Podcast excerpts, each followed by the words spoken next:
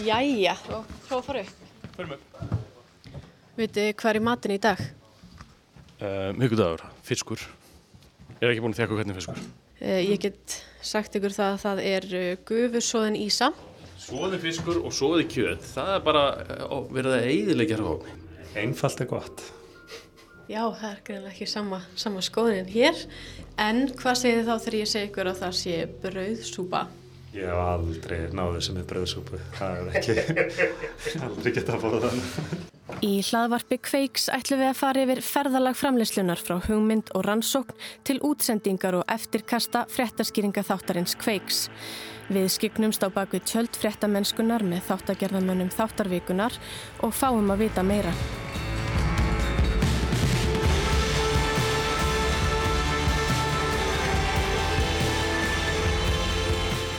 Við hittum þá Ingolf Bjarnar umsunamann og Frey Arnason pródúsent aftur eftir augnablík og heyrum frá einslægi þeirra um endurmentun lækna.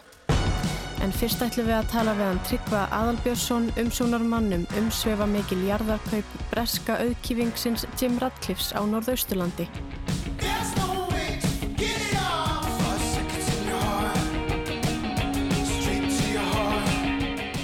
Tryggvi Aðalbjörnsson, uh, hann Yngvar Haugur Guðmundsson, pródusent sem vann með þér þáttinn, hann uh, ætlaði að vera með okkur en komst í miður ekki í dag þannig að þú verður að duga.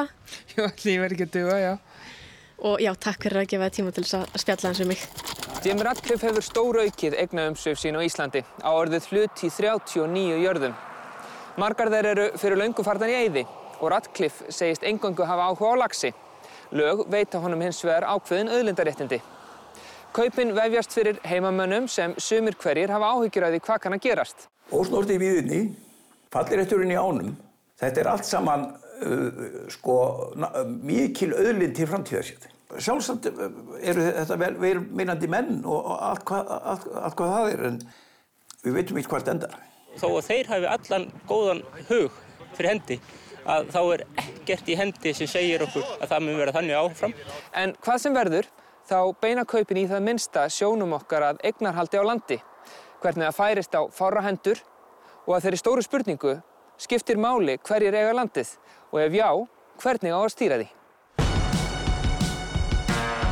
Af hverju þetta mál? Þetta hefur auðvitað verið mjög mikið í umræðinni núna síðustu hvað, þrjú árin eitthvað svo leiðis frá því hann kefti stóran hluti í grímstöðum á fjöllum rétt fyrir jólinn 2016 að þá hefur uh, aðteglinn beinst að uh, þessum jarðarköpum og, og hversu stórtækur uh, Radcliffe hefur verið.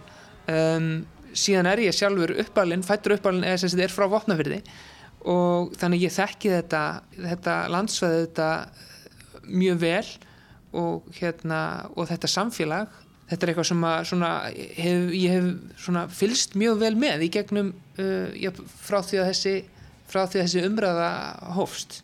Okkur langar til þess að reyna að, að það er kannski erfitt að tala um að veita einhverja svona heildræna eða svona einhverja heildræna einhverja heildræna insýn inn í einhvern eitt málefni en allavega að reyna að, að sína fólki eða, eða fjalla um þetta og sem fjölbreyttastan fjölbreyttastan hátt til þess að til þess að fólk fengi þá einhverja einsýn í, í, í bæði bæði eignarhaldi sem slíkt en líka hvaða áhrif þetta hefur haft uh, og hvaða skoðinu fólk hefur sem er heimafólk og er uh, landiðendur og er starfandi í þessum veiðifélugum þar sem að Radcliffe er farið að hafa talsverð áhrif og svo framvegs En af hverju kannski skiptir þetta okkur máli hvað þessi eini maður á? Er þetta, er sjálfgeft að menn eigi svona margar jarðir og hvað, hvað getur hann gert? Sko, þetta er það kannski ekki þannig að það sé ekkit endilega einstam í Íslandsögun að einhver hafa átt svona margar jarðir. Brynjólu Sveinsson, biskop, átti hér fyrir á öldum uh, jarðir um, um allt land og, og svo þetta fleiri sem hafa átt margar jarðir. Um, er hann stærsti jarðegandi á Íslandi, Jim Radcliffe núna sko, ég veit ekki um neitt sem að, á meira einstakling uh, en við vorum svona kannski að skoða aðalega hans fjárfestingar um, hvað hann getur gert uh, um, það sem hann vil gera segir hann er, er að byggja upp lagsastóknana og, og þeir vilja búa til viðskipta mótel sem að virkar þannig segja þeir að, að, að, að þá arðurinn af ánum og tekjurinn af ánum borgi þá fyrir uppbygginguna og auðvitað er þá þannig að því fleiri jarðir sem eru inn í því þeim er meiri tekjur en auðvitað hafa menn líka meiri áhrif í inn að veðfélagana eftir því sem er hafa uh, eiga fleiri jarðir. En er Radcliffe sjálfur, er hann að gera eitthvað ránt með, með jarðarkaupunum? Já, það er náttúrulega ekki mitt sem fréttamanns að hafa, hafa skoðun á því, ég, en auðvitað er þetta bara umdeltar fjárfestingar og fólk margir, margir á mótið, menn líka margir sem, að, sem að eru, eru fylgjandi hans fjárfestingum þarna uh, á staðinu fyrir austan uh, og, og, og norðaustan. Það eru auðvitað margir sem að hafa, sem við höfum rætt við, hafa eins og framkomið þættinum áhyggjur af því og grunar að þarna sé eitthvað annað heldur en lagsin. Þetta er auðvitað uh, maður sem hefur verið umsöða mikill í, í viðskiptum og fjárfestingum erlendis og, og okkar viðmælendur hafa svona Já, ég að því ég hef sagt reynd út að það hljóti að vera eitthvað annað, til dæmis einhvers konar auðlindan í tingvarsréttindið annað sem hann sé að sækjast eftir. Það er ekkert eilítið með fjöllin. Sko land er alltaf, land er til framtíðar. Gunnarstaðir standa á bökkum Havralónsár. Það er líka nýbilið Brúarland. Hér hefur sama ætt búið í á aðra öld. Dagetni sumar fekk Jóhannes óvænt símtal frá starfsmanni James Radcliffes. Radcliffe var orðin eigandi í Gunnarstöðum á móti Jóhannes og fjölskyldu. Frænka Jóhannesar, sem býr á Brúarlandi, hafði selgt Radcliffe Brúarland en líka hlut sem hún átti í Gunnarstöðum. Setna komst kveikur að því að eftir kaupinn í Gunnarstöðum er Radcliffe ekki bara skráður fyrir hluti í landinu, heldur líka húsum, þar með talið heimili Jóhannesar sem hann byggði sjálfur. Jóhannes hefur mótmælt við síslumann. Þetta er jörð fórfæra minna sem hafa búið hér mann fram á manni. Svo eru börnum við hann að búið hérna og, og ég ætlast til að þau afhendi sínum afkomundum þessa jörð með sama hugafæri og ég afhendi þeim hana. Er það sagan? Það er sagan og, og þessi lífsmáti sem fylgir því að vera búndi.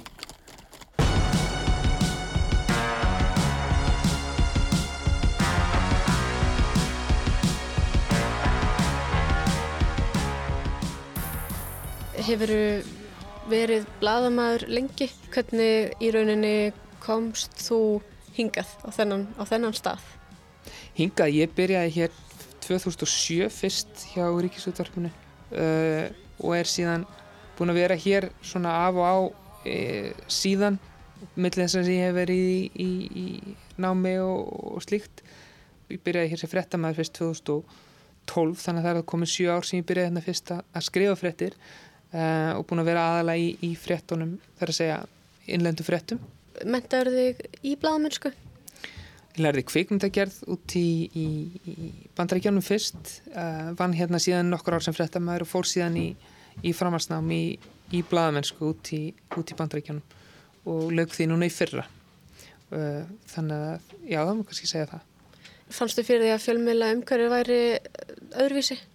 Ég held að þetta sé óskup svipa munurinn kannski sá að uh, stórir bandarískir miðlar til dæmis og, og, og, og náttúrulega í mörgum öðrum löndum hafa ja, meiri möguleika vegna þess að þeir hafa meira fjármagn hafa meiri möguleika til þess að veita fréttamönnum í, í bara almennum fréttum tíma til þess að, að kafa hann í mál og svo leið sem er ekki íslenski fjölmiðlar hafa því miður ekki mikla möguleika á nema þá í svona fréttaskyrka þáttum eins og, eins og kveik. En uh, aður leiti eru svona vinnubröð og, og, og svoleiðis lagað í því sem ég hef kynst bara mjög, hérna, mjög keimlík. Uh, er eitthvað svona sem að þið finnst skemmtilegast eða sem að þú nýtur mest við uh, framlýsluferlið? Já, það sem var náttúrulega kannski skemmtilegast í þessu var að fara og tala við uh, allt þetta fólk uh, á norðausturhóttninu uh, og bara já, það, það ævintýri sem að þetta ferðalega okkar var að því leiti við vorum hérna vaðandi yfir ár og, og, og keirandi á einhverjum slóðum þar sem maður hafi aldrei komið og, og farandi um, um náttúru landsins og, takandi myndir og, og hitta fólk um landið að það var náttúrulega eitthvað sem var mjög áhugavert og, skemmtilegt. Til dæmis ákvað drónin okkar að stinga sér til sunds síðasta daginn okkar í, í, í þistilfyrði sem að var svona, já, daldi óhefilegt. Hann fór í, í Hafralónsá og þar var allt myndefni dagsins sem við höfum verið að taka. Þannig að við fórum strax í það að reyna áttugráði hvort það væri reynlega þetta bjargunum upp bronni. Hann var þetta alveg við, við brúnanir við ósa áreinar þarna í, í þistilfyrði og það var nú farið að, var svona farið að kvölda þegar þetta gerðist. Það var virtist ekki verið neinn leið að, að ná í hann. Hann yngvar, hann ætlaði sér nú að reyna að vaða út í ána og ég reyndi það líka en, en það gekk ekki upp. Þannig að á endanum fengum við hjálp góðra heimamanna og eftir svona hvað ætlaði að verið 2-3 tíma eh, fór þarna einn, einn heimamaður og sótti hreinlega sótti sigbelti og, og einhver seg niður að brúnni og niður, að, niður í aðdrónanur til þess að, til þess að sækja hann.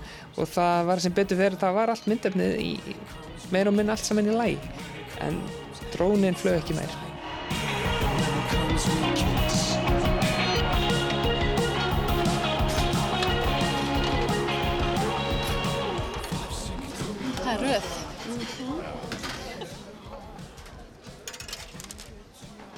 Fórstu í hátægismattryggu? Já, Hvað fegstu þér? brauðsúpu Já, er það eitthvað sem að úrt vanur að leggja þér til munns? Já, þetta er alltaf henni í mötunitinu alltaf í, hvað allir sé, jafnvel eins og í mánuðu eitthvað. Þetta er mjög umdeltum matur en, en vinsall hjá mjög mörgum víst. Hafður smakkað þetta áður þú byrjar að vinna hér? Já, já, margótt. Já. Getur þá svara mér því hvað er í brauðsúpu? Nei, jú, jú, það er rúbrauð, það er, ég kann þetta nú ekki alveg, það er sítróna sem er setja malt í hana. Þannig uh, rúbrauð, sítróna og rjómi. Svo sá ég að fólk var að setja líka rúsinur í. Færðu bætir rúsinum úti? Já, já, já, sjálfsögur, það er ekkit hægt að, það, er ekkit annað hægt.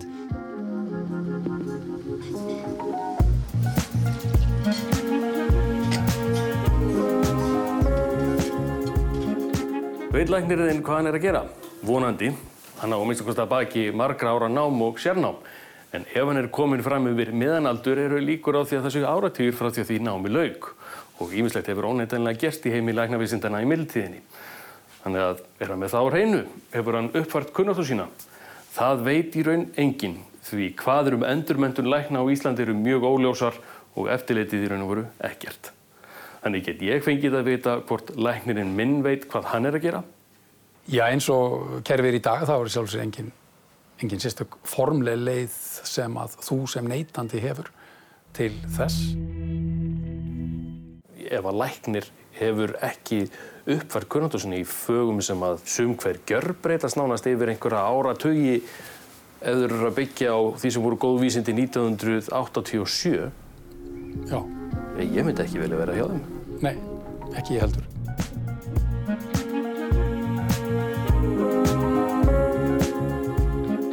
Jæja, Ingólfur Bjarni Sigfússon, umsónamaður og Freyr Arnarsson, pródusent. Af hverju þetta efni? Þetta er svona eina af þessum uh, hugmyndum eða ábendingum sem kemur heila bara upp úr samtali við fólk um eitthvað allt annað. Það er ótrúlega algengt að maður er að tala við fólk til þess að afla sér upplýsinga um eitthvað sem maður er að skoða til umfjöldan sem umfjöldar efni og, og í samtali við einn af þeim mörgu sem ég talaði við þar kom þetta upp að þetta væri nú kannski eitthvað sem maður mætti alveg skoða. Þetta væri eiginlega alveg fáránlegt fyrirkomulag eða ekki fyrirkomulag þar að segja að það væri ekkit utanumhald og mjög óljósar hvaðun það hvernig læknar ætti að viðhalda menntun sinni og uh, það eiginlega var frekar augljóst að það var eitthvað sem ætti að skoða vegna þess að það snertir okkur öll við þurfum jú öll að leita til læknis einhvern tíman á, á lífsleiðinni. uh, við borgum öll skatta sem eru notað til þess að reyka helbreyðiskerfi þetta er raun og veru neytendamál með líðheilsu tengingar að hann mæti orða, orðið komast. Og auðvitað viljum við og höfum kannski bara ákveðna kröfu um að geta gengið að því sem gefnu að það séu allir með sitt á hreinu þarna. Og er einhverjar ástæðlis ætla að þeir séu það ekki?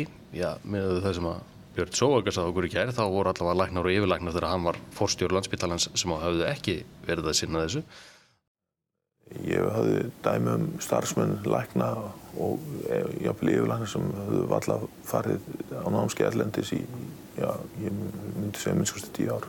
Getur það einfallega gerst? Ég get ekki útiloka það. Ég, ég verð þó að segja að ég, ég veit ekki um slík dæmi en, en auðvitað getur það uh, hugsanlega gerst. Þannig að það er allavega einhver dæmi um fólk sem hefur ekki sinn því að uppfæra kunnáttu sína og það er ekki gott fyrir neitt. Það er heldur ekki gott fyrir þá lækna sem að eru með allt sitt á hreinu og lenda þá í sama flokki og slúpirtarnir að því að við getum ekki greint á millin. Mér fannst þetta bara að vera augljóst, já, svona eiginlega neytenda tengt heilsumál sem að mæti skoða.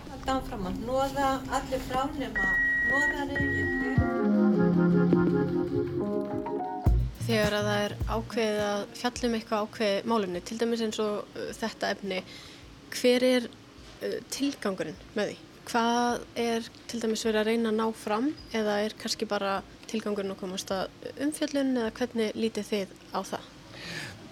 Við erum alltaf bara fréttamenn, við erum ekki aktívistar þannig að við erum ekki með einhvern markmið að ná okkur fram öðru en að koma upplýsingum áleiðis. Og auðvitað leggjum við einhvern matum á það á þetta erindi við almenning kemur þetta fólki við, er þetta eitthvað sem að snertir líf fólks og hagsmunni en þar í raun og veru líkur hlutverki okkar. Okkar hlutverk er að varpa kastljósi komu útskýringu og greiningu eftir bestu getu. Og svo er það annar að taka við og segja já, það þarf að bregðast við, það þarf að gera eitthvað. Við getum spurt uh, við getum reynd að fá svörin en það er náttúrulega ekki okkar að segja þetta er það sem á að gera og það er nú bara svona hér klassíska hlutverk fyrir þetta er að gefa almenningi þær upplýsingar sem hann þarf alltaf að taka upplýstar ákvarðanir. Og haldið að það verði oft til þess að eitthvað breytist í samfélaginu kjálfarið, er þetta vanlegt til árangus? Ég held að það sé engin spurning, ég held að þetta sé bara ein af, af grunnstóðum fungerandi líðræðiskerfi sem þú vilt endilega fara í ástemdu lýsingarnar. Uh, virkar ekki alltaf, skilir ekki alltaf einhverju, uh, það kemur okkur held í flestum íðlega óvart hvað það er sem fólk grýpur eða fær viðbröð eða hefur afleiðingar og hvað ekki. Það er kannski ekki endilega það og það er ekki það sem kannski ræðust í hvaða mál viðtökum fyrir hvort að það hefur einhver viðtæk áhrif í samfélaginu held ég það er einfalda að er þetta eitthvað sem er rétt að varpa ljósa á eða reyna að greina betur og stundum er bara ágætt að kafa aðeins dýbra og reyna að, að komast aðeins lengra í umræðinni. Nei, og eins og í þessu tilfelli þá er þetta kannski ekki hlutur sem fólk er almennt að velta mikið fyrir sér og telur kannski að sé bara hljóta að vera í einhverjum ákveðnum farvegi og sé í lægi en svo þegar maður fer að spyrja og kanna þá kemur kannski annaði ljós og þetta ítir náttúrulega kannski við þeim sem að uh, halda utanum þessi mál og gefur mannum tækifæri til þess að hugsa sinn ganga eða sem sagt verður til þess að menn kannski líta frekar í einn barm og hvernig statt er fyrir þeim í þessum efnum. Haldið þetta sé sérstækt hér á landi að það sé ekki eftirlit með því að læknar um, end, fari í endurmentun og símentun eða er þetta algengt, er þetta víðar svona? Þetta er mjög víðar svona og þau, þetta er að vísu skilst mér að þó að kerfin séu svona um, víðar svona lausir eibunum eins og hér skilst mér að þetta sé reyndar svona í slapparalagi hér réttil til dæmis sem eru konum með kerfi sem að mörgum þau geti fyrirmyndar uh, þeir fóru ekki í það fyrir en fyrir, ég ætla að sé ekki kringum 20 ár til að koma í ljósa lækni sig Harold Shipman var bara fjölda, Shipman var uh, fjöldamorðingi og það hafði einhvern veginn engin spott á hann. Hvers vegna það var til þess að þeir ákvaða að það þurfti meðalans að herða á eftirliti og utanumhaldi um endurmentun, það er kannski aldrei flóknæri lúpa en það var ekki fyrir en það var einhver svona skandal í heilbreyðiskerfinu sem að þessi umræða kveiknaði hjá þeim og, og úrvarð kerfi sem heldur utanum það að læknar síðu með nýjustu upplýsingar, nýjustu færni, upplýsingar um liv, tækni og eða upplýsingar um hvað kann að vera úrald uh, þeir síðu með það á hreinu. Uh, Bandaríkin er raun og veru það land sem hefur lengst gengið og lengst verið með kerfið, það er rosalega strám, það er bísna tímafrekt. Á mörgum þykir það að vera svona fulland gengið menn þurfi bóstala að viðhalda lækningarleifi sínu. Eða þeir sé ekki hluti af þessu prógrami þá bara missiðir lækningarleifið en að samanskapið má líka spyrja sig hvað afleðningar á það að hafa ef þú sinnir þess ekki. Þá bara að fá skammir og, og vísbendingum að gera betur næst. Og það eru svona allar mögulega skoðanir upp um það hvort þetta þurfa að vera gullrótið að svipa. Og þá jánka því svo sem allir að jú, auðvitað þurfi það að vera þannig að ef þú sinnir þessu bara ekki að þá sé einhvern tíma bara fari bara raukt flagga á loft og og þú sitt ekki í hafður en það voru svör til dæmis forraðar manna landsbytarnas mjög afgerandi. Ef þú hefur ekki sinn endurmöndu áttu að vera að sinna þessu starfi? spurði ég og svöru var bara nei. En hvað gerist hér á landi ef að, ef að lækni verður uppvis að því að hafa ekki sinn þessari lögbundu skildu um endur og, endur og símendun? Nei, eins og staðan er þá gerist svo sem ekki neitt Ekki nóg með það, það bara veit það engin vegna þess að það er bara, það er hverki fært í bókar, það er hverki fylst með því En auðvitað er það líka þannig að, að öllum líður betur þegar þeir eru vel eh, uppfæriðir með það, svo maður segja, eða hérna, starfsánægjan verður meira eða þú ert örugur með það sem þú ert að gera og ert, ert hérna, á takt með á taktinum nýjustu tekni og, og aðferðir. Þið talið um hérna að í Breitlandi þá hafi þurft að koma upp skandal til að eitthvað var gert í þessum málum. Í þættinum í gær þá kom fram að uh, ekkert hefði komið upp á í rauninni svo læknar vissu til af en almennt væri samt kannski svona talið að það blikkuð einhver gul eða rauð viðvörnuljós vegna þessa. Um, haldið þið að í rauninni þurfi bara ekki svona eftirleiti og svona eftirfylgni, það sé bara ekki það algengt að mistök sé að koma upp vegna þess að endurmentun og símentun sé ekki fyllt? Það er kannski erfitt að svara því. Það er kannski ekki svo íkjæland síðan landsbyttanum fór að kafa skipulega í það þegar eitthvað ber út af. Og auðvitað ber alltaf eitthvað út af það, það, gera allir mistök. Hvort að það hefur með færni lækna eða hvort að það er skráð og að læknir hefur verið að beita úreldir aðferð, veit ég ekki. Það er ekki upplýsingar sem við gátum beinlinni svengið og þetta var bara einfallega mennst lengi þessu svona fram að það, ég held að þetta sé nú ekki algengt, ég hygg að þetta sé ekki mjög útbreytt nei, en veistu það og þá verður allir að svara heðalega og segja nei. Og þar eh, stendur nýfurinn í kunni eh, það er korki hægt að fullera að það sé allt að fara til fjandans og allir bara með allt niður um sig eða allt í himnalagi. Og hvort ekki er jafn slæm Nú kannski snertir þetta á uh, svona, þannig sé viðkvæmi málefni þetta er stór stjætt, heilbreyðskjæru stjættin og fyrst ykkur einhver tíman erfitt að taka fyrir málumni sem að geta kannski hrist upp og hrært upp í, í vinnu, vinnustöðum og, og tengjast svona kannski stórum hópi fólks í raun? Ég held að við getum nú bara ekki, eh, megum ekki hérna forðast mál út af því að það geti haft einhver eh, slæm áhrif þannig en eins og staðan er þá og nefnt var ég í þættinum að þá er svo sem engin tími fyrir lækna til að sinna þessu betur en en nú er það er allir hérna yfir kerðir að vinnu. Læknar vinna uh, 40, 60, 80 tíma á viku og það kemur í ljós að það er bara mjög lítið hluti sem að segist við núverendi aðstæður og núverendi álag geta synd viðhaldsmyndun og þjálfun. Þannig að það er í lóhjákvæmlegt að stokka eitthvað upp tannig að það verði hægt að sinna þessum þáttum eins og, eins og þarf og það verður þá bara að taka á því innan heilbyrðiskerfisins. Já, ég held að hérna, ef við ætlum að fara í einhverju meðverkni að segja sko þetta getur trublað einhvern, stuggað einhverjum eh, þá bara væru við algjörlega bregðast í starfi. Auðvitað er það þannig að ef við erum að benda á eitthvað að fjallum eitthvað sem að gæti mjög skusti verið betri farvegi það lítur það að snerta hagsmunni og umhverfi einhvers, það segir sig eiginlega sjálf og það væri sérstaklega þar sem við veltum fyrir okkur, gæti einhver farið í fílu, uh, þá gerðum við nokkið margt. Er eitthvað sérstaklega í framleysluferlinu uh, sem að þið, einhver einstakur þáttur sem að þið kannski njótið mest að sinnað eða hafið mest gaman af? Það sem að mér finnst innan gæðsalapa skemmtilegast að gera er eiginlega bara að vera á vettvangi sem að gerst uh, kannski ekki óskaplega ofta tækifæri til þar að segja vera þar sem að sagan gerist. Þetta, þetta er ekki umfjöldunandi sem býður upp á svona einhverja mannlega frásögn eða staðbundna en, það getur verið mjög skemmtilegt að fara á einhvern stað, kannski nær því sem að Tryggvi og Yngar voru að gera í umfjöldunum sinni um Ratcliffe og, og Norðausturland fara á staðin og, og vera ekki bara að vinna með staðrendir og skoðanir heldur líka svipbriði, náttúru, stemmingu, aðstæður uh, og að reyna að miðla því. Það er ótrúlega skemmtilegt, bara ef maður tekur það sem er rosalega skemmtilegt í vinnunni. Uh, en það er líka mjög gaman að, að reyka nefið í, í svona atriði sem er kannski ekki óskaplega flókið en, en þessi verðt að, að fjalla um og, og fá, fá svör, reyna að fá svör og, og, og varpa ljósa eitthvað. En svo er það líka það bara að maður er að byrja og er með uh, heilan hellingað efni og bara hugsa þessi hvernig á maður heila koma þessi saman.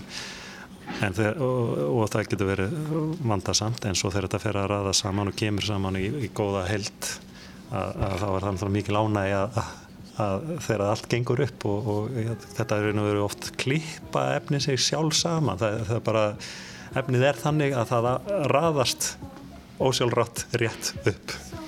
Og það er gaman að sjá það gerast. En uh, allavega þegar vel tekst til þá finnst manni þegar það er upp í staðið að já, svona bara átti þetta að vera